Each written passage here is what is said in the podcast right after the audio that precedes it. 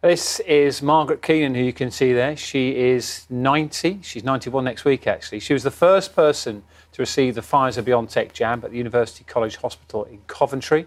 Uh, that's one of 70 hospitals around the UK which will be giving the vaccine to over 80s and some health and care staff. Uh, the Prime Minister has called it a huge step forward in the fight against the disease. This is quite a moment. Ja, tisdagen den 8 december 2020 kommer att gå till historien. Dagen då de första människorna började vaccineras mot covid-19. Efter nästan ett år med coronapandemin så kunde man i Storbritannien äntligen börja vaccinera sina invånare.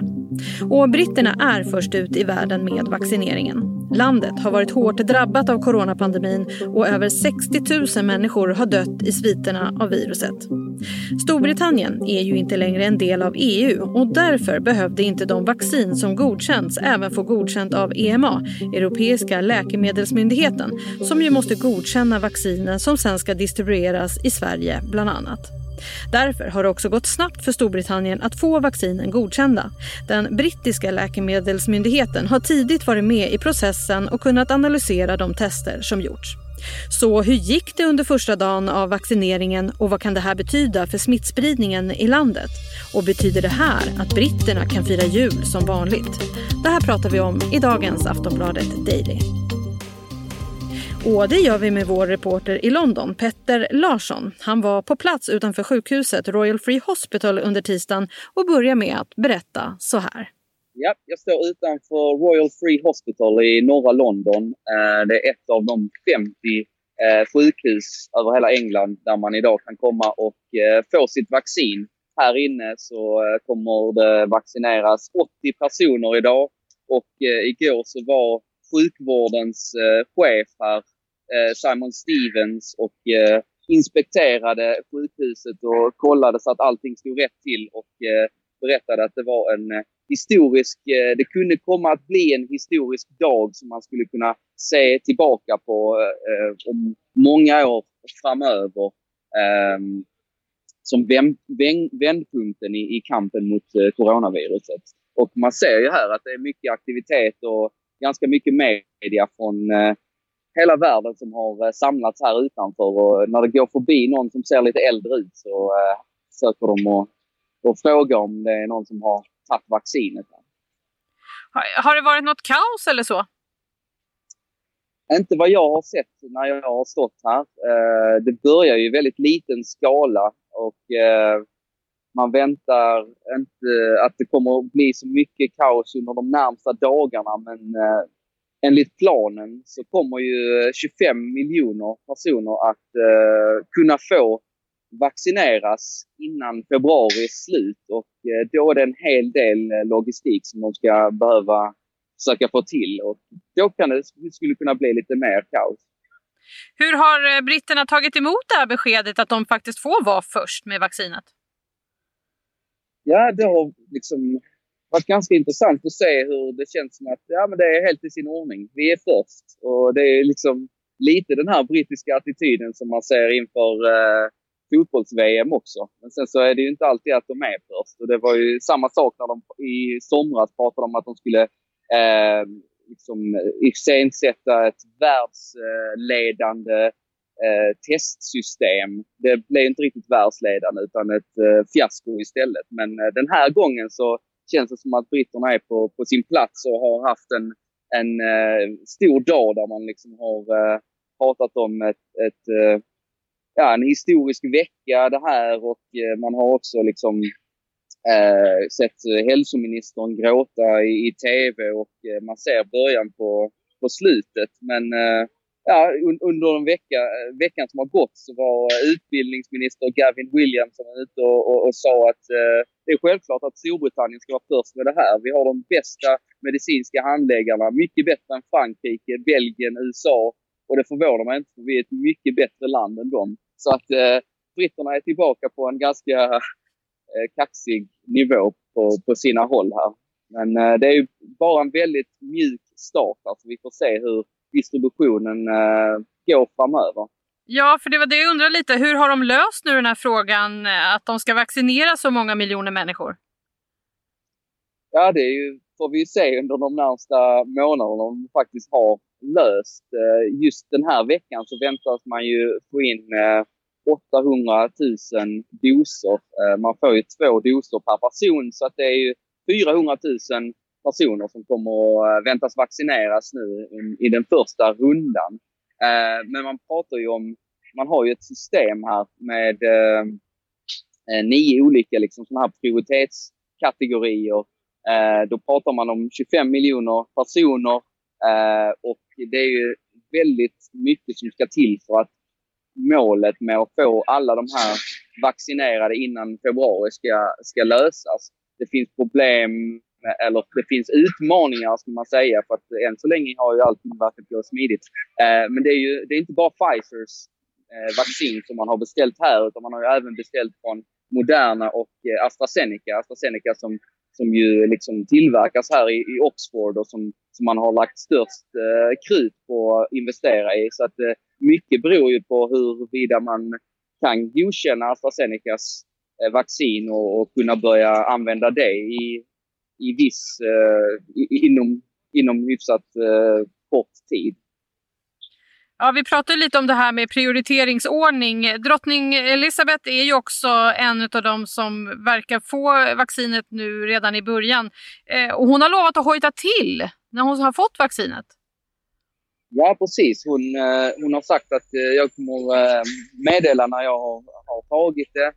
Eh, hon, eh, eller inte hon, men eh, slottet har varit ute och sagt att eh, att hon kommer inte gå före i någon kö, men de man börjar med idag, det är ju de som är 80 plus. Eh, sen är det även eh, de som bor och jobbar på äldreboende samt en viss eh, vårdpersonal som är extra, extra utsatt.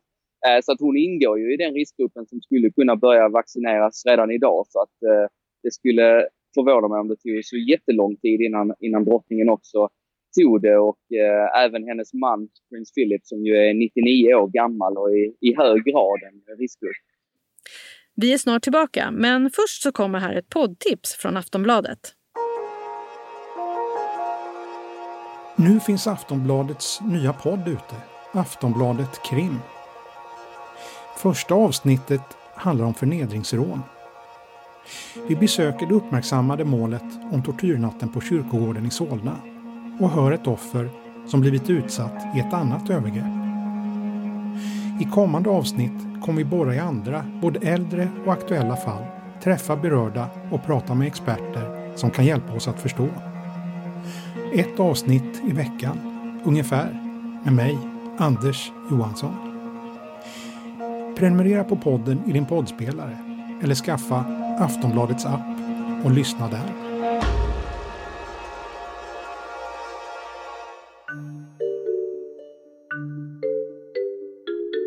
Så, då är vi tillbaka igen.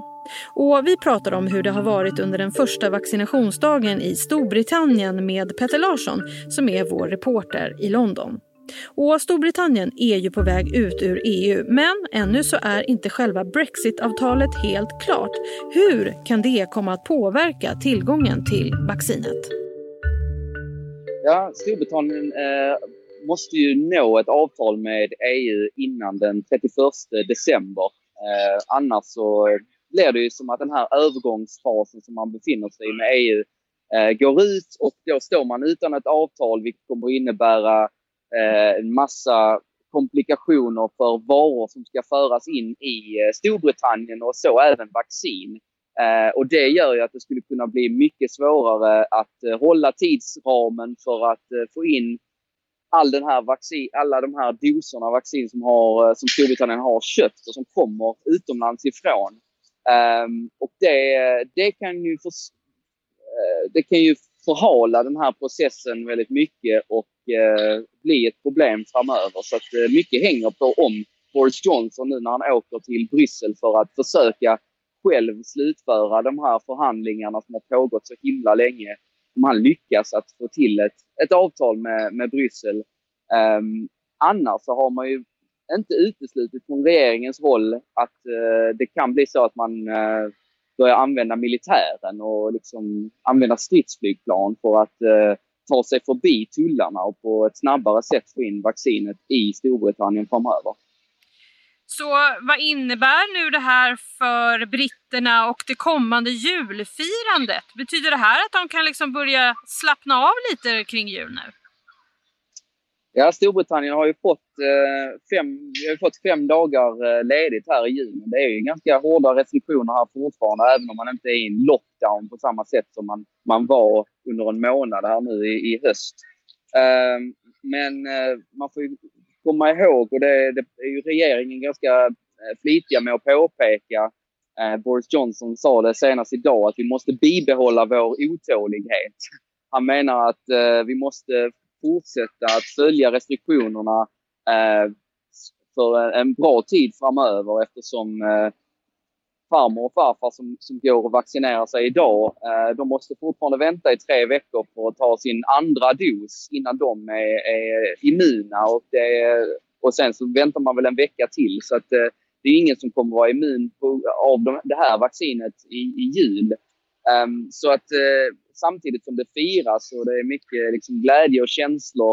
Uh, man tycker man har sett vändpunkten här och man kanske kan slappna av lite i jul så är det viktigt att eh, påpeka här att man inte ska slappna av för mycket. Och, eh, det kommer de säkert att eh, fortsätta påpeka från, från regeringens håll. Att bara för att vi har fått börja vaccinera de, andra, de allra mest sårbara i samhället så är vi har vi en ganska lång väg kvar att gå innan, innan man kan börja slappna av och, och, och släppa på restriktionerna.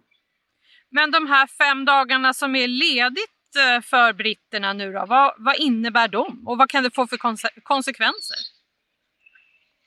Ja, det har ju sagts att för varje dag som, har varit, eh, som, som de släpper på restriktionerna här så kommer det innebära fem extra dagar i lockdown framöver. Men det verkar alla vara ganska eniga om att eh, det förtjänar vi efter det här tuffa året att eh, spendera julen tillsammans med nära och kära. Så att, eh, nu får man eh, umgås tre hushåll tillsammans inomhus. Just nu så får man ju på många ställen inte umgås eh, över liksom, eh, hushållsgränserna inomhus alls. Så tre hushåll tillsammans och så får man resa inom landet. Det är ju någonting också som eh, just nu inte, är, eh, inte uppmanas till. Så hur kommer det vara nu de kommande, eller, eller jag ska ställa frågan så här. Så hur har eh, snacket varit idag om att eh, det är en historisk dag? Ja, vi såg eh, Matt Hancock i tårar i, i tv tidigare idag och det har ju varit på många håll. Liksom, man har pratat om det här som en dag, precis som när man började bli av med polio eller eh, hjärnhinneinflammation eller eh, andra sjukdomar som, har, eh, som man har löst vaccin till, tuberkulos och så vidare. Så att det pratas om V-day och inte D-day, men vaccinationsdagen och, och, och så vidare. Så det, det är en, en, en stor dag i, i, idag och det har varit Eh, det har ju toppat liksom eh, nyhetssändningarna här samtidigt som man också de senaste dagarna har sneglat ganska mycket på, på eh, på Brexit och det avtal som man måste få till för att det här ska kunna fortlöpa ganska smidigt. Inte bara för vaccinationen, men det är, men det är en annan ganska stor grej som, som händer. Um, men det är ju fortfarande många frågor som återstår om uh, riskgrupper och vem som ska kunna vaccineras när och, och så vidare. Så att, eh, det är fortfarande väldigt många frågor och eh, på något sätt så blir det ju mest lite symboliskt idag att man i alla fall börjar så smått. Det är ju eh, en ljusglimt om, om någon som man måste ta, ta vara på här. Sist här hörde vi Petter Larsson som är Aftonbladets reporter i London. Jag heter Jenny Ågren och du har lyssnat på Aftonbladet Daily. Vi kommer ut med nya avsnitt varje vardag med aktuella ämnen. Du får gärna följa oss i din poddspelare så missar du inga avsnitt. Vi hörs snart igen. Hej då!